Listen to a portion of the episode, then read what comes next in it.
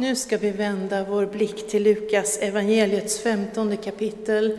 Två verser därifrån, 8, 9 och 10. En liten berättelse som många av er kommer att känna igen. Och det är Jesus som berättar det här. En kvinna hade tio silvermynt och tappar bort ett av dem. Tänder hon då inte en lampa och sopar hela huset och letar överallt tills hon hittar det. Och när hon har hittat det samlar hon vänner, väninnor och grannkvinnor och säger Gläd er med mig, jag har hittat myntet som jag hade förlorat.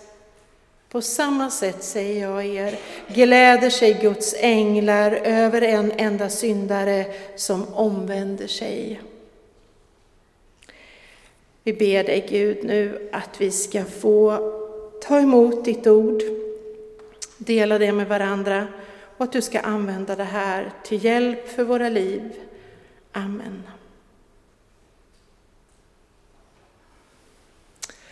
Hur reagerar du på ett misstag som någon annan gör?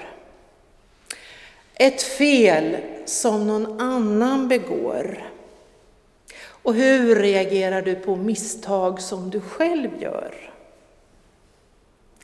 Har vi inte alla fått höra någon gång när vi gjort något som är mindre bra, men hur kunde du göra så? Och hur tänkte du nu? Och varför gjorde du på det här viset? Jag tänker på en familj som jag har hört berättas om som levde i sån oro under en längre tid när en av dem hade knackat hål på keramikkarotten som deras mamma tyckte så väldigt mycket om. Så man gömde den där karotten för henne längst inne i skåpet i hopp om att det skulle dröja tills de blev upptäckta. För när det skulle hända så skulle ovädret bryta loss. Och så hukar de sig i veckor inför ovädret och inför den där sårade karotten. Ja, och så kommer karotten fram och ovädret drog in över köket. Jag tänker på kvinnan i dagens liknelse. Hon där med de tio silvermynten, eller snarare nio silvermynten. Vad är det som har hänt där hemma?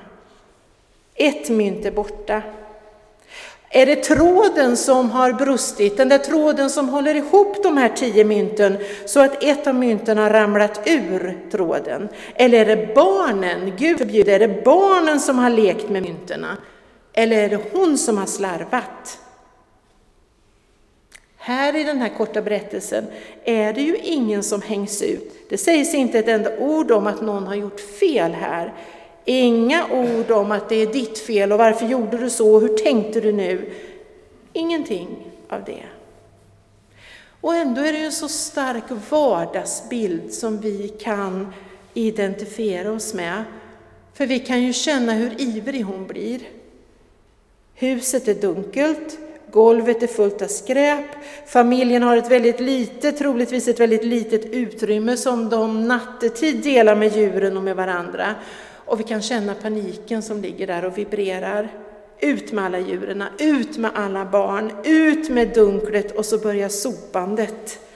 Och det är som att leta efter en nål i en höstack. Med andra ord så är det nästan omöjligt att hitta det där myntet. Och så gör berättelsen en tvärvändning som får paniken att rinna bort och så kommer glädjen farande. Myntet är hittat. Och så blir det kalas.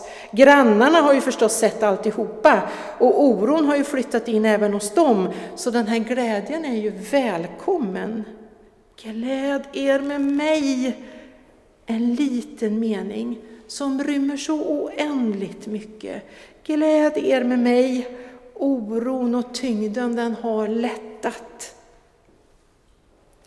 På samma sätt, säger Jesus, gläder sig änglarna över en enda människa som hittar hem till Gud, som vänder om och som får räta på ryggen.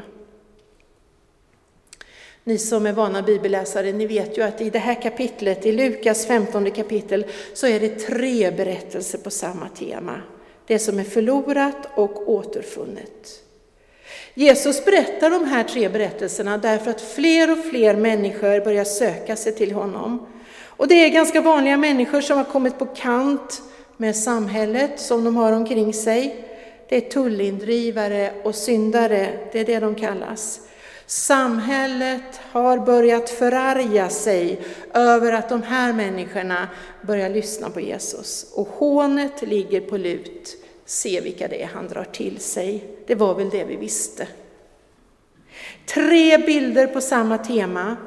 Herden med de 99 fåren, han som har förlorat ett som har sprungit ut på egen hand. Det är kvinnan med de nio silvermynten och det är fadern som har förlorat sin son. Han som vandrar iväg med arvet och sätter sprätt på alltihopa i främmande land. Tre vardagsbilder från yrkeslivet, från hemmet och från familjelivet. Tre bilder som alla kan känna igen sig i. Tre bilder som talar om hur det är att förlora en avsevärd del av det man äger. Tre bilder som säger att Guds glädje är större än er förargelse. Tre bilder som säger att Guds hjärta är större, mina vänner, än vad ni anar och förstår. Guds sökande, säger Jesus, är mer intensivt, engagerat och aktivt än vad ni har anat och förstått. Det finns en liten antydan där också om att de som har tolkat Gud nu har gjort Gud liten ni har förlorat en viktig del av vem Gud är. Och det är ju en hisnande tanke för de fariseer och de skriftlärda som står där. De som så tydligt faktiskt står på Guds sida. Att de skulle ha tagit miste. Att de har tagit miste i sin iver att hålla sig nära Gud. Vad vill den här berättelsen säga dig? Vad vill den här berättelsen säga till mig? Jag brukar återvända till Margareta Melin. Hon har skrivit kärnord, korta verser för varje söndag i kyrkåret som ska vara en hjälp att leva och begrunda budskapet. Ord som man kan vila i och liksom idissla för att ta in budskapet. Och idag så har hon skrivit Ingen skam att förlora och ta fel, alla missar ger en chans att lära mer. Vägen bort är en etapp på vägen hem. Ingen skam att förlora och ta fel. Alla missar ger en chans att lära mer. Vägen bort är en etapp på vägen hem.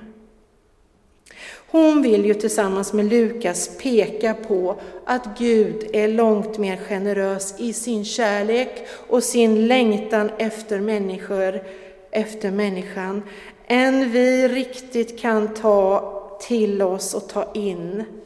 Att Gud vill att vi ska hitta in mot centrum i tillvaron, in till honom.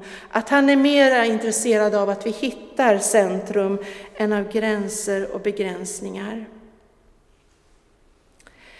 Martin Luther är uppfriskande frimodig när han möter en man som är så rädd för att han ska synda så att han inte riktigt vågar leva.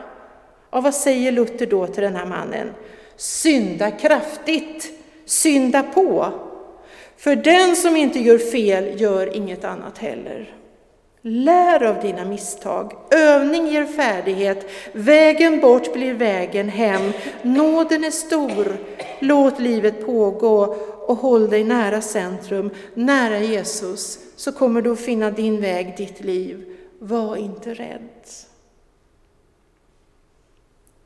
Alla de som lyssnade på Jesus, alla de som fått pekpinnar, pekpinnar för hur de borde leva sina liv, som har fått kritik för alla fel de har gjort, som hamnat ute i marginalen och till och med utanför gemenskapen. I dem händer det någonting nytt när de möter Jesus. Den där orons tunga ok, skuldens tyngd, bördan av det att inte räcka till, att inte vara tillräcklig, att inte göra rätt, inte vara rätt, den tycks ju släppa. För nära Jesus så blir det lättare att andas. nära Jesus så kan jag släppa ner axlarna. Det är en måttlös kärlek och glädje som möter mig. Hur reagerar jag på det? Ja, fariséerna, de skriftlärda, de hade ju aldrig kunnat drömma om att Jesus, eller Gud menar jag, Gud kunde vara på det här sättet. För dem var det upprörande. De tänkte sig inte att Gud söker aktivt efter människor som Jesus säger att han gör. Att en människa söker efter Gud, ja det var självklart och väldigt möjligt. Men att Gud i sin måttlösa kärlek och glädje aktivt söker människor, det var nästan en omöjlig tanke för dem. Det är ju tankeväckande, tänker jag. Det är faktiskt en tankeväckande insikt även för oss att Gud ofta själv spränger gränserna för hur vi uppfattar honom. Gud spränger ofta själv gränserna för hur människor uppfattar honom. Jag tänker den tanken när det gäller vår egen församlings framtid. Jag hoppas och ber faktiskt varje dag att vi som församling ska våga pröva tanken att Gud själv i sin måttlösa glädje och kärlek uppmanar oss och uppmuntrar oss att våga ny mark, nya vägar i vårt tänkande när det handlar om framtidens diakonala arbete. Och jag tänker att din och min uppgift inför nästa söndags församlingsmöte, det är faktiskt att hålla oss nära Jesus. Och be när vi är nära honom. Be över frågan, hur är vi modiga och relevanta för vår egen tid? Vad är vår kallelse framåt om den förändras och förändrar sig? Och vågar vi pröva tanken, fast den är hisnande, att den tanke som stiftelsen prövade när det handlade om äldreboendet, att om vi inte kan hålla den kvalitet som vi tidigare hållit i Café Broäng, den kvalitet som har varit vårt signum, ska vi verkligen då fortsätta? Vad har Gud i sin måttlösa kärlek och glädje i sin tanke för oss? Det finns ju så många frågor när vi står inför svåra beslut som gemenskap och församling. En viktig fråga är ju hur talar vi och lever budskapet om omvändelse idag så att människor i deras liv och vardag kan ta den där kallelsen på fullaste allvar. Hur förenar vi den här radikala utmaningen evangeliet har med omsorg och aktsamhet? Hur uttrycker vi erbjudandet om att komma hem och höra till utan att det förlorar sin sälta, som också evangeliet innehåller och rymmer. Det är ju både dagens frågor och framtidens frågor och viktiga för oss som församling. Hur är vi relevanta för vår samtid, för det samhälle som finns idag och som kommer oss till mötes? Kan vi vara lika frimodigt fräscha som Jesus när han talar om den måttlösa glädjen Gud känner för en människa, en människa som hittar sig själv och som hittar Gud? Kan vi vara lika frimodigt fräscha som Martin Luther när han försöker hjälpa en människa att leva och säger att den som inte gör några fel gör ingenting annat heller? Det är väl det som är en av kärnfrågorna idag. Hur får en människa fatt i och inser att jag är förlorad och behöver bli återfunnen? Vilka människor står vid dens sida på den livsvägen?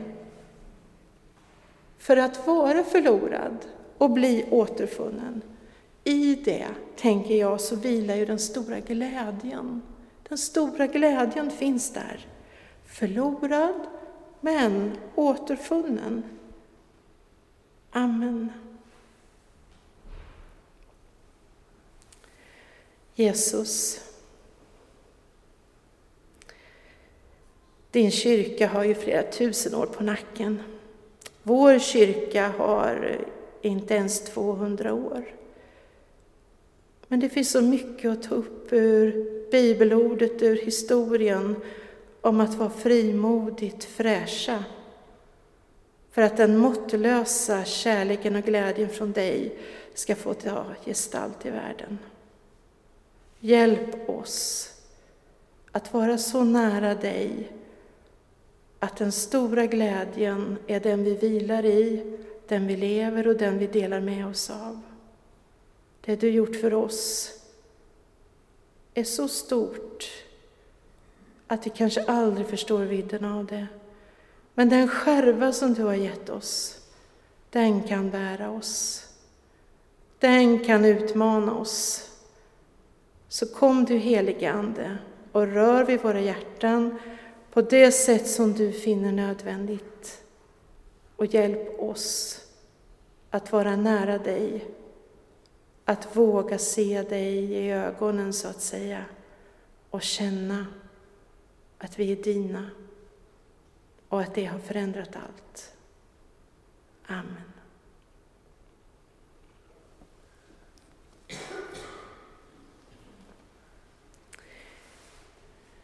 Jag tänkte vi skulle sjunga salmen 618. Det gungar så fint när han bär dig mitt barn. Det är ju en sång som ibland sjungs vid dop och så. Och den behöver vi kanske påminna oss om. Att det är i hans hand som vi vilar, i hans händer, var och en, men också som gemenskap. 618.